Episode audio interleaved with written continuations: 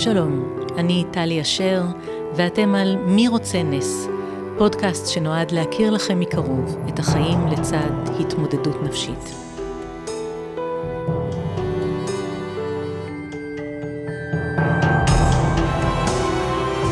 לא תשמעו כאן נתונים סטטיסטיים, לא נחכה לשערורייה תקשורתית שתעלה את הנושא לכותרות ליומיים שלושה. אנחנו כאן באופן קבוע, נכנסים ליומיום, לחדרי חדרים, ובעיקר לחדרי הלב.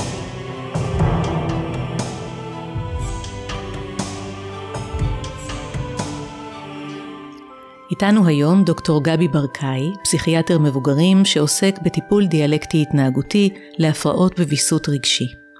מה שהכי משמש אותו בחדר הטיפולים, יותר מידע וממומחיות, זו אהבת אדם. ומה שהכי מחבר אותו לעולם הנפש, יותר מתיאוריות וממחקרים, זו סבתו. שלום גבי. היי. מה הקשר שלך לעולם בריאות הנפש? אני התחלתי התמחות בפסיכיאטריה בשנת 98. אה, אני, כשהתחלתי את ההתמחות אני הרגשתי ממש שאני במקום הנכון. דג במים. שמתי לב שמבין אלה האנשים שהכי פחות אוהבים אותם אה, ואותן, האנשים שהכי פחות אה, רוצים לעבוד איתם זה אנשים עם הפרעות אישיות קשות.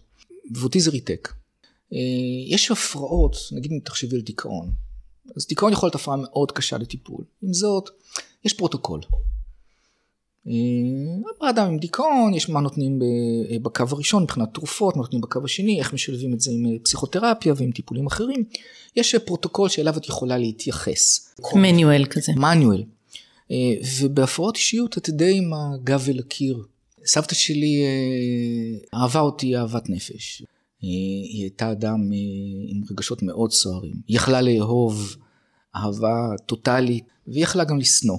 היא הייתה יכולה לריב מריבות נורא נורא קשות עם, עם אנשים, עם אמא שלי למשל, מריבות גם כן בסערה רגשית איומה וקשה לה להבין לפעמים אה, למה ואיך זה מגיע למקומות האלה. גם חוותה, כמו רבים מהמטופלים והמטופלות שלנו עם הפרעות אישיות, את הסוג הזה של רתיעה וסלידה. הייתה אדם אה, לא רצוי, אה, ולא אהוד ולא אהוב, ולעיתים גם מבוזה ונלעג.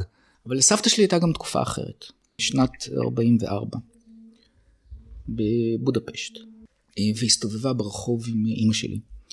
אם היו מגלים עליהם את האמת, שהן שתיהן יהודיות, זה היה מביא לחיסול הפיזי המיידי שלהן. על ידי השכנים. וסבתא שלי הסתובבה ברחוב אה, עם ילדה בת שמונה, והייתה צריכה אה, לשרוד. וההישרדות שלה הייתה תלויה ביכולת שלה להבחין מי אויב, מי אוהב, מי לנו, מי לצרינו. ואסור היה לטעות אפילו פעם אחת. והיא לא טעתה אף פעם אחת. עכשיו זה לא רק אה, מכיוון שהייתה לה הפרעת אישיות, אה, היה צריך הרבה הרבה מזל. אבל משהו במשקפיים האלה שדרכם היא מתבוננת על העולם סייע לה ברגעים האלה. כן. מה זו הפרעת אישיות? דמייני לעצמך אה, אה, אדם שאת מכירה, ותשימי את האדם הזה באיזושהי סיטואציה, אה, סיטואציה חברתית כלשהי, נגיד מסיבה. כשאדם נכנס לאיזשהו אירוע, לכאורה כל, או נכנסת, לכאורה כל רפרטואר ההתנהגויות האנושי פתוח בפניה, פתוח בפניו. הוא יכול להיות מסמר הערב, או יכולה להיות זאת שבשיחה של אחד על אחד וכולי וכולי. בפועל זה לא המצב. כשאנחנו, ואנשים שאנחנו מכירים, כל בני אדם, אנחנו נכנסים, נמצאים באיזושהי סיטואציה, רק גזרה מסוימת של מרחב ההתנהגויות, החשיבה, ההתנהלות הבין אישית שבני אדם יכולים לעשות, רק גזרה מסוימת מכל המרחב הגדול הזה פתוח בפנינו. אנחנו לא יכולים להיות הכל. זה דבר אחד. ודבר שני זה בערך קבוע בזמן. זאת אומרת הרפרטואר שלנו החלקי הזה לא כל כך משתנה. ולכן אפשר לנבא אותנו. לתופעה הזאת קוראים אישיות. הפרעת אישיות היא כאשר אה, אה, יש בעיות עם זה. זאת אומרת, פעמים רבות כאשר הרפרטואר הזה מצומצם מדי, והאדם לא מסוגל לעשות אדפטציה ולהיות קצת אחרת עם הבן או בת זוג שלו או שלה, להיות קצת אחרת עם החברים, להיות קצת אחרת עם חברי הנפש וקצת אחרת עם הקולגות. אנשים עם הפרעות אישיות אה, נקלעים לקשיים ופעמים רבות גם לצרות עם זה. זאת אומרת שהיכולת האדפטיבית היא לא מספיק טובה ויש התנהגויות לא אדפטיביות. ואז אפשר לקבל אדם... הם לא ש... מתאימים את עצמם לסיטואציה. כן. ואז אפשר לקבל אדם שהתפקוד שלה הוא, הוא מדהים, מדהים בסיטואציה מסוימת, כאילו יותר מכל אחד אחר, כי זה מהדהד עם העולם הפנימי שלה. אבל במצבים אחרים, זה לא מסתדר. למה יש רתיעה כל כך גדולה בציבור, בדעות הרווחות? למה זה נחשב משהו גם במילי הטיפולי? למה זה נחשב משהו כל כך מפחיד? אני אגיד בהקשר הזה שני דברים לפני שתענה. אחד, הקושי שלי עם ההגדרה היא שגם כשיש סרטן במצב מאוד מאוד מתקדם או במיקום מאוד מאוד בעייתי ושמאיים על תוחלת החיים אה, אז לא אומרים יש הפרעת גוף. ממקמים את הסרטן, זה סרטן במוח, זה סרטן במערכת העיכול, זה יכול להיות מאוד קשה, אבל לא מוחקים את מכלול הגוף. זה ממוקד. בהפרעת אישיות לוקחים את כל הדבר הזה שתיארת כל כך יפה ואומרים זה כל האישיות פה היא בהפרעה. אני יכול למצוא את עצמי אומר אני בדיכאון או יש לי דיכאון ולא אני דיכאוני. למרות שזה כבר אולי יש אנשים שיגידו את זה ויגידו את זה. אבל אפשר להמשיג דיכאון כמשהו שיש לאדם ואיננו מגדיר אותו. אה, אבל אישיות, אישיות זה הרי דפוסי החשיבה, הרגש, ההתנהלות הבין אישית, ההתנהלות עם דחפים, שמאפיינים אותנו. זה פחות או יותר אני. כן, אני אשאל אותך גבי רגע משהו. היותך רופא, אתה עובד ברפואה או שאתה רופא? אני רופא. אז זה אותו דבר. זה כבר חלק מהזהות שלך. כן. וגם אני יכולה לומר שספרות זה לא משהו שאני עוסקת בו או מתפרנסת ממנו, זו אני, זו המהות שלי. כן.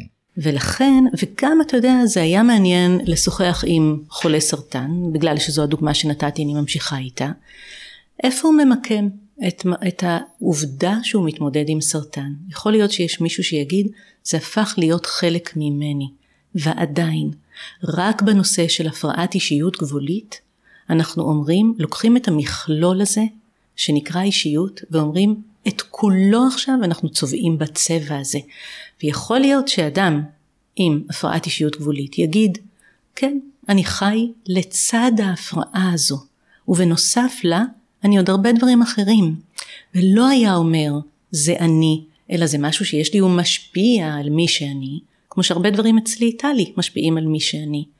אז, אז אני עדיין, אני מבינה את ההבחנה בין משהו שיש לי לבין משהו שהוא אני, אבל uh, אני לא בטוחה שהשתכנעתי uh, לגבי הנחיצות וגם אני, אני אגיד, אני אזכיר שתפרתי את זה יחד עם השאלה למה זה מעורר כזו רתיעה ואולי זה קשור אחד לשני. זה, זה קשור בעיניי, כי יש עניין של הליבה.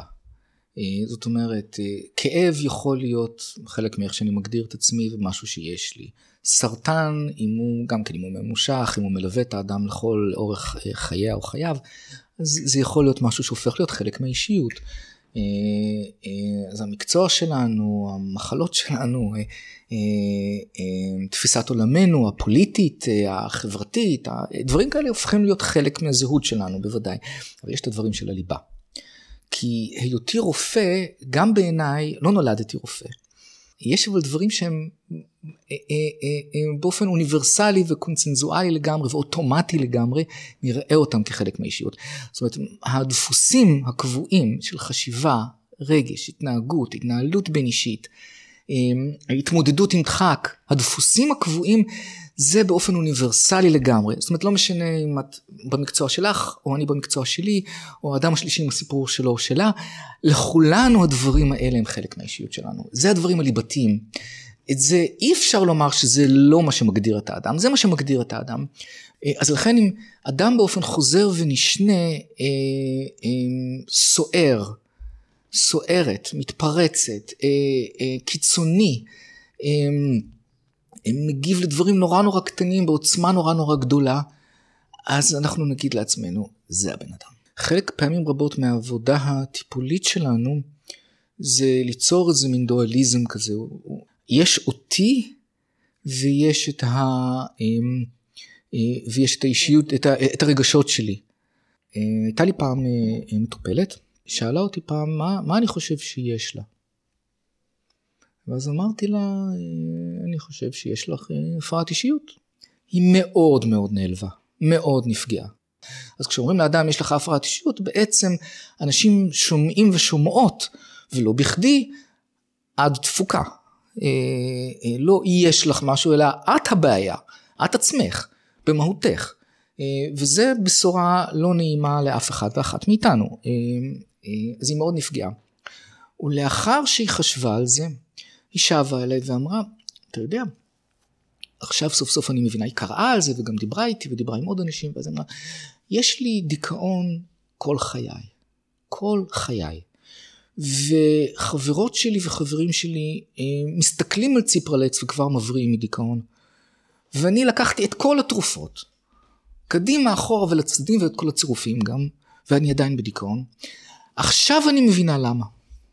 אני חושבת שהרבה פעמים מטופלים, כשהם משיימים להם מה שיש להם, ואני לא נכנסת עכשיו למה שדיברנו קודם על דיוק המינוח ועל ההשלכות שלו. כן. אלא עצם זה שיש הסבר, שיש שם, שיש תופעה שאפשר ללמוד עליה, שיש עוד אנשים שעכשיו אני משתייכת אליהם בסבל המשותף שלנו, עצם ההגדרה יש בה משהו שהוא מרגיע, שהוא מתקף בעיקר, ואני חושבת שתיקוף זה, זה, זה פעולה קריטית שקשה להגיע אליה, קשה להגיע לתחושה של סביבה מתקפת, אבל היא נחוצה מאוד להבראה, להבנה, להכרה, לכך שמכירים. אני מכירה במה שיש לי, הסביבה מכירה במה שיש לי.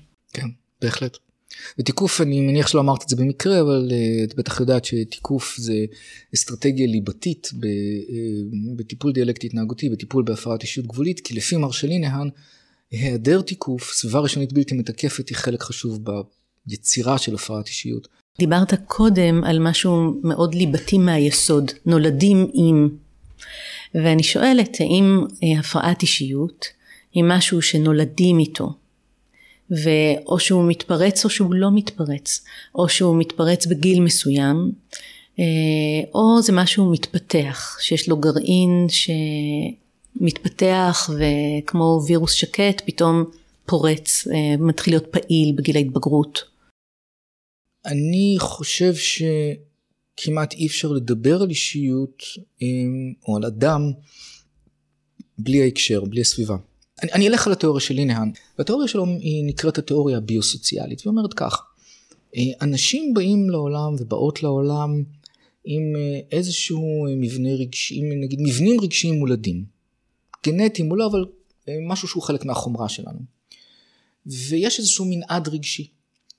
אה, חלקנו באים ובאות לעולם עם רגשות עזים וחלקנו עם רגשות פחות עזים. וישנה קבוצה עם רגשות יותר קשים לוויסות, שהם אתגר יותר גדול לוויסות. אה, זה אותם, אותן אלה או אותם אלה שהרגשות שלהם יכולים להיות בעוצמות יותר גדולות, אלה שהרגשות שלהם נמשכים יותר זמן. זאת אומרת שכשהם... קשה להשתקם נגיד. כועסים, אז הכעס מהדהד ומהדהד mm-hmm. ולוקח יותר זמן עד שהוא נרגע באופן ספונטני. Mm-hmm. גם כשהם אוהבים העוצמה של האהבה עזה יותר ולוקח לה יותר זמן לעבור. אה, אה, כל הרגשות הם עוצמתיים. וגם הם מופיעים בתגובה לטריגרים קלים יותר. מספיק מעט מאוד כדי שיקרה הרבה מאוד. כן.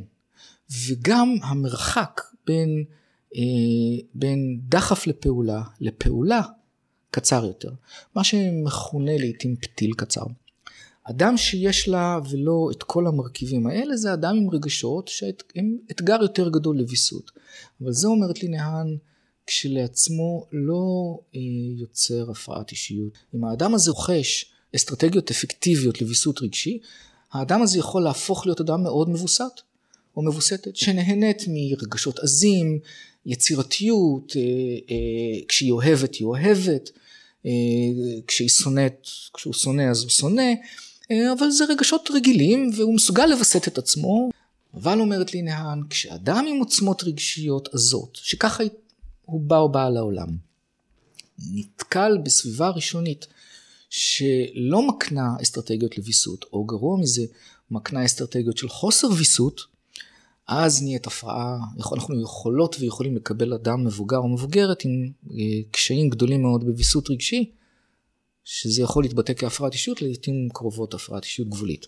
ליניאן באופן ספציפי מדברת, אה, אפרופו מה שאמרת קודם על תיקוף, היא מדברת על סביבה ראשונית בלתי מתקפת. Mm-hmm. זאת אומרת, היא אומרת, הדבר הליבתי בסביבה ראשונית שמייצרת חוסר ויסות, זה אי תיקוף. ועוד הולכת קדימה ליניאן ואומרת, אמ, אי תיקוף יכול להיות משהו בדברים המאוד טריוויאליים והקטנים של החיים. אה, למשל? אומרת, תחשבי רגע על ילדה ששיחקה ברחוב ושיחקה בכדור, רכבה על אופניים, אני לא יודע מה, ילדה קטנה. ונפלה ויש לה פצע אה, ברגל. תגובה בלתי מתקפת תהיה למשל, אה, את, את ילדה גדולה חמודה שלי, וזה פצע כזה קטן, אל תבכי, אה, אוקיי? אז אני יכול באופן אמפתי וחם ואוהב להיות לא מתקף. תגובה מתקפת תהיה, אני מבין שכואב לך, כי יש לך פצע, ואני מבין שאת פוחדת, כי אנחנו הולכים לשטוף את הפצע, ועם זאת, צריך לשטוף את הפצע כדי שהוא יבריא, ואנחנו עכשיו נשטוף את הפצע. זאת אומרת ש...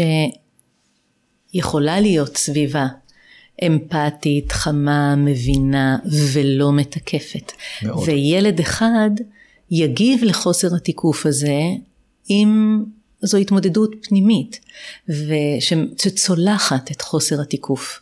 וילד אחר שיש בו את הליבה הזו של אה, חוסר ויסות רגשי או הפרעת אישיות, זה יהיה כמו דשן לכך שהפרעת האישיות הזאת תקבל אינרציה. לגמרי. יש פה משהו אה, עצוב קצת. לא ייתכן אה, הורות שהיא תמיד מתקפת, אין דבר כזה. זו נקודה חשובה מה שאתה אומר, כי אה, פעמים רבות מדי אני עדה לשיח שהוא שיח מאשים כלפי הורים, אה, גם מצד מטפלים, גם בסטריאוטיפ החברתי, שכנראה האשם נמצא אה, בקרב ההורים. ומה שאתה אומר זה בעצם אה, כמעט חלק אה, בלתי נמנע מגידול ילדים או בכלל מאינטראקציה בין אישית. לגמרי. עכשיו פה בא העניין של המועדות. כי אם נחזור לילד הקטן הזה, אז אם הוא ילד שהרגשות שלו, הפחד שלו, הכעס שלו הם הם לא בעוצמות אה, אה, קיצוניות, אז יחסית בקלות הוא ירכוש את האסטרטגיות של לווסת את זה. אבל ילד באותה סיטואציה עצמה, ילד או ילדה שהם, אה, אה, אה, זה אתגר יותר גדול, אז אם הוא פעמים רבות מדי אה, יפגוש אה, אה, תגובה לא מתקפת, יתחיל להיות אה, קושי.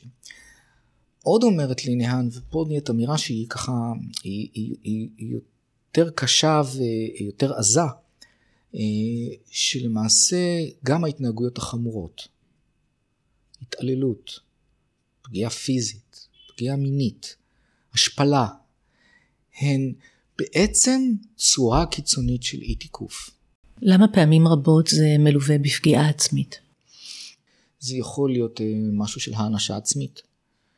אה, זה יכול להיות גם משהו שמפוגג ריקנות. זה נותן תחושה חזקה של קיום. דבר נוסף זה הסתה של הכאב.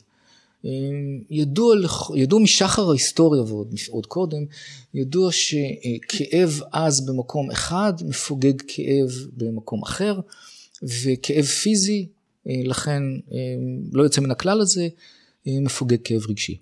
למה בארץ וגם בעולם במקומות מסוימים נרתעים מלתת את ההבחנה הפרעת אישיות גבולית לפני גיל 18. לפי ה-DSM אין שום סיבה להימנע מזה. למה מדברים רק על קווים אישיותיים? למה נרתעים מהחותמת הזו לפני גיל 18? אז ראשית, לפני, גם אחרי גיל 18 נרתעים. האישיות מתעצבת במהלך הילדות והנעורים, פחות או יותר עד סוף העשור השני של החיים. זה לא עלול לגרום לבעיה מבחינת אה, חוסר הנכונות אה, לתת את ההגדרה הזו, מבחינת התאמת הטיפול, מבחינת אה, מענה. בוודאי. איך זה משפיע עליך שבחרת לטפל במקרים המאתגרים יותר, שזה מה שאתה פוגש ביומיום שלך, באיזה אופן זה ממשיך לעצב את אישיותך, בהמשך למה שאמרת קודם? אני, אני, אני גם מרגיש אמ, בבית עם אנשים עם אה, הפרעות אישיות קשות. אה, אני גם מרגיש אמ, סיפוק עצום. כי את יודעת, אחד הדברים שעובדים, ש, ש, שרואים עם, כשעושים טיפול אפקטיבי זה שיש גם לפעמים הצלחות. אה, לא תמיד, לא בהכרח, בכל זה. עם זאת, יש בהחלט הצלחות.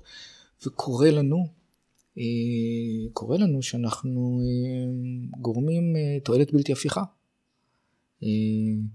וזו הרגשה מדהימה, את יודעת, אנשים,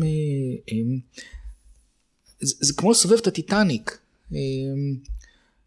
לא צריך הרבה, לא צריך סיבוב של 90 מעלות. צריך קצת להזיז את החרטום בשביל לא להיתקע ב...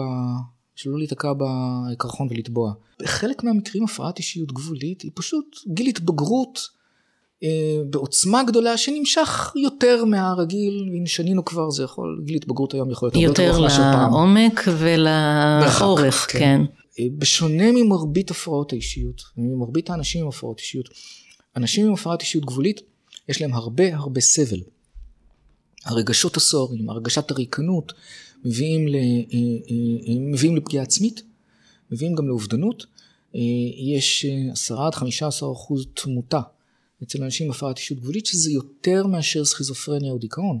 תמותה, כלומר? התאבדות. זאת אחת הסיבות שיש שם רע להפרעת אישיות גבולית ולאנשים עם הפרעת אישיות גבולית. אפיינו הרבה דברים קשים מנשוא. בהקשר של הפרעת אישיות גבולית, גם למתמודדים, גם למשפחות, אה, גם לאתגר הטיפולי. אה, אני רוצה לשאול אותך, למה זקוק מטפל כדי אה, להתמודד היטב עם סיוע למתמודדים? אהבה. אם אתה לא אוהב אותם, אל תהיה שם. כן. חיבור לסבל, חיבור למצוקה וחיבור לעוצמות. יש משהו אבל של היעדר בולשיט. אה, אנשים קשיי ויסות רגשי אומרים את האמת שלהם, אך ככל שאני מצליח להיות בן אדם רגיל וגם מטפל, ככה אני חושב שאני יותר אפקטיבי, וזה לוקח זמן עד שמגיעים לשם. אני חושבת שבכל מקצוע שאנחנו מושקעים בו, וכמו שאמרנו קודם, תחום עיסוק משמעותי הוא חלק מהזהות. כשאנחנו זוכרים להיות אנשים, אנחנו כנראה עושים את מלאכתנו טוב יותר. זה נכון גם למנהלת בית ספר, זה נכון למורה, זה נכון למפקד בצבא, זה נכון למקצועות הטיפול, כי כמו שאמרת, אז אנחנו פוגשים אנשים בפגיעות העמוקה ביותר שלהם. לגמרי. איזה נס יש בחיים שלך. אה, יש לי הרבה אהבה בחיים. אה, יש לי זוגיות נהדרת. אה, יש לי מטופלים ומטופלות שאני, יש לי סיבה טובה לחשוד שאוהבים אותי ואוהבות אותי. יש לי חברים טובים. יש לי שלושה ילדים שמאוד אוהבים אותי. יש אנשים שרואים אותי לנגד עיניהם, ואני רואה אותם לנגד עיניי. זה, זה ברכה גדולה. תודה רבה, גבי. תודה רבה לך. תודה גדולה לדוקטור גבי ברקאי, תודה לצחי אשר שאחראי על הסאונד ובאופן כללי על האהבה בחיי, תודה לכם ולכן על ההקשבה הנדיבה ועל התגובות החמות. מי רוצה נס נמצא בכל אפליקציות הפודקאסטים, ספוטיפיי, אייטיונס, גוגל פודקאסט או כל אפליקציה אחרת. אפשר למצוא את כל הפרקים גם באתר שלי, טלי אשר.com, ולעקוב אחריי בפייסבוק. כדי להתארח בפודקאסט, להגיב או להמליץ על מישהו אחר, שילחו לי הודעה באתר. ועד הפעם הבאה, שיהיה לכם ולכן כמה שיותר נס.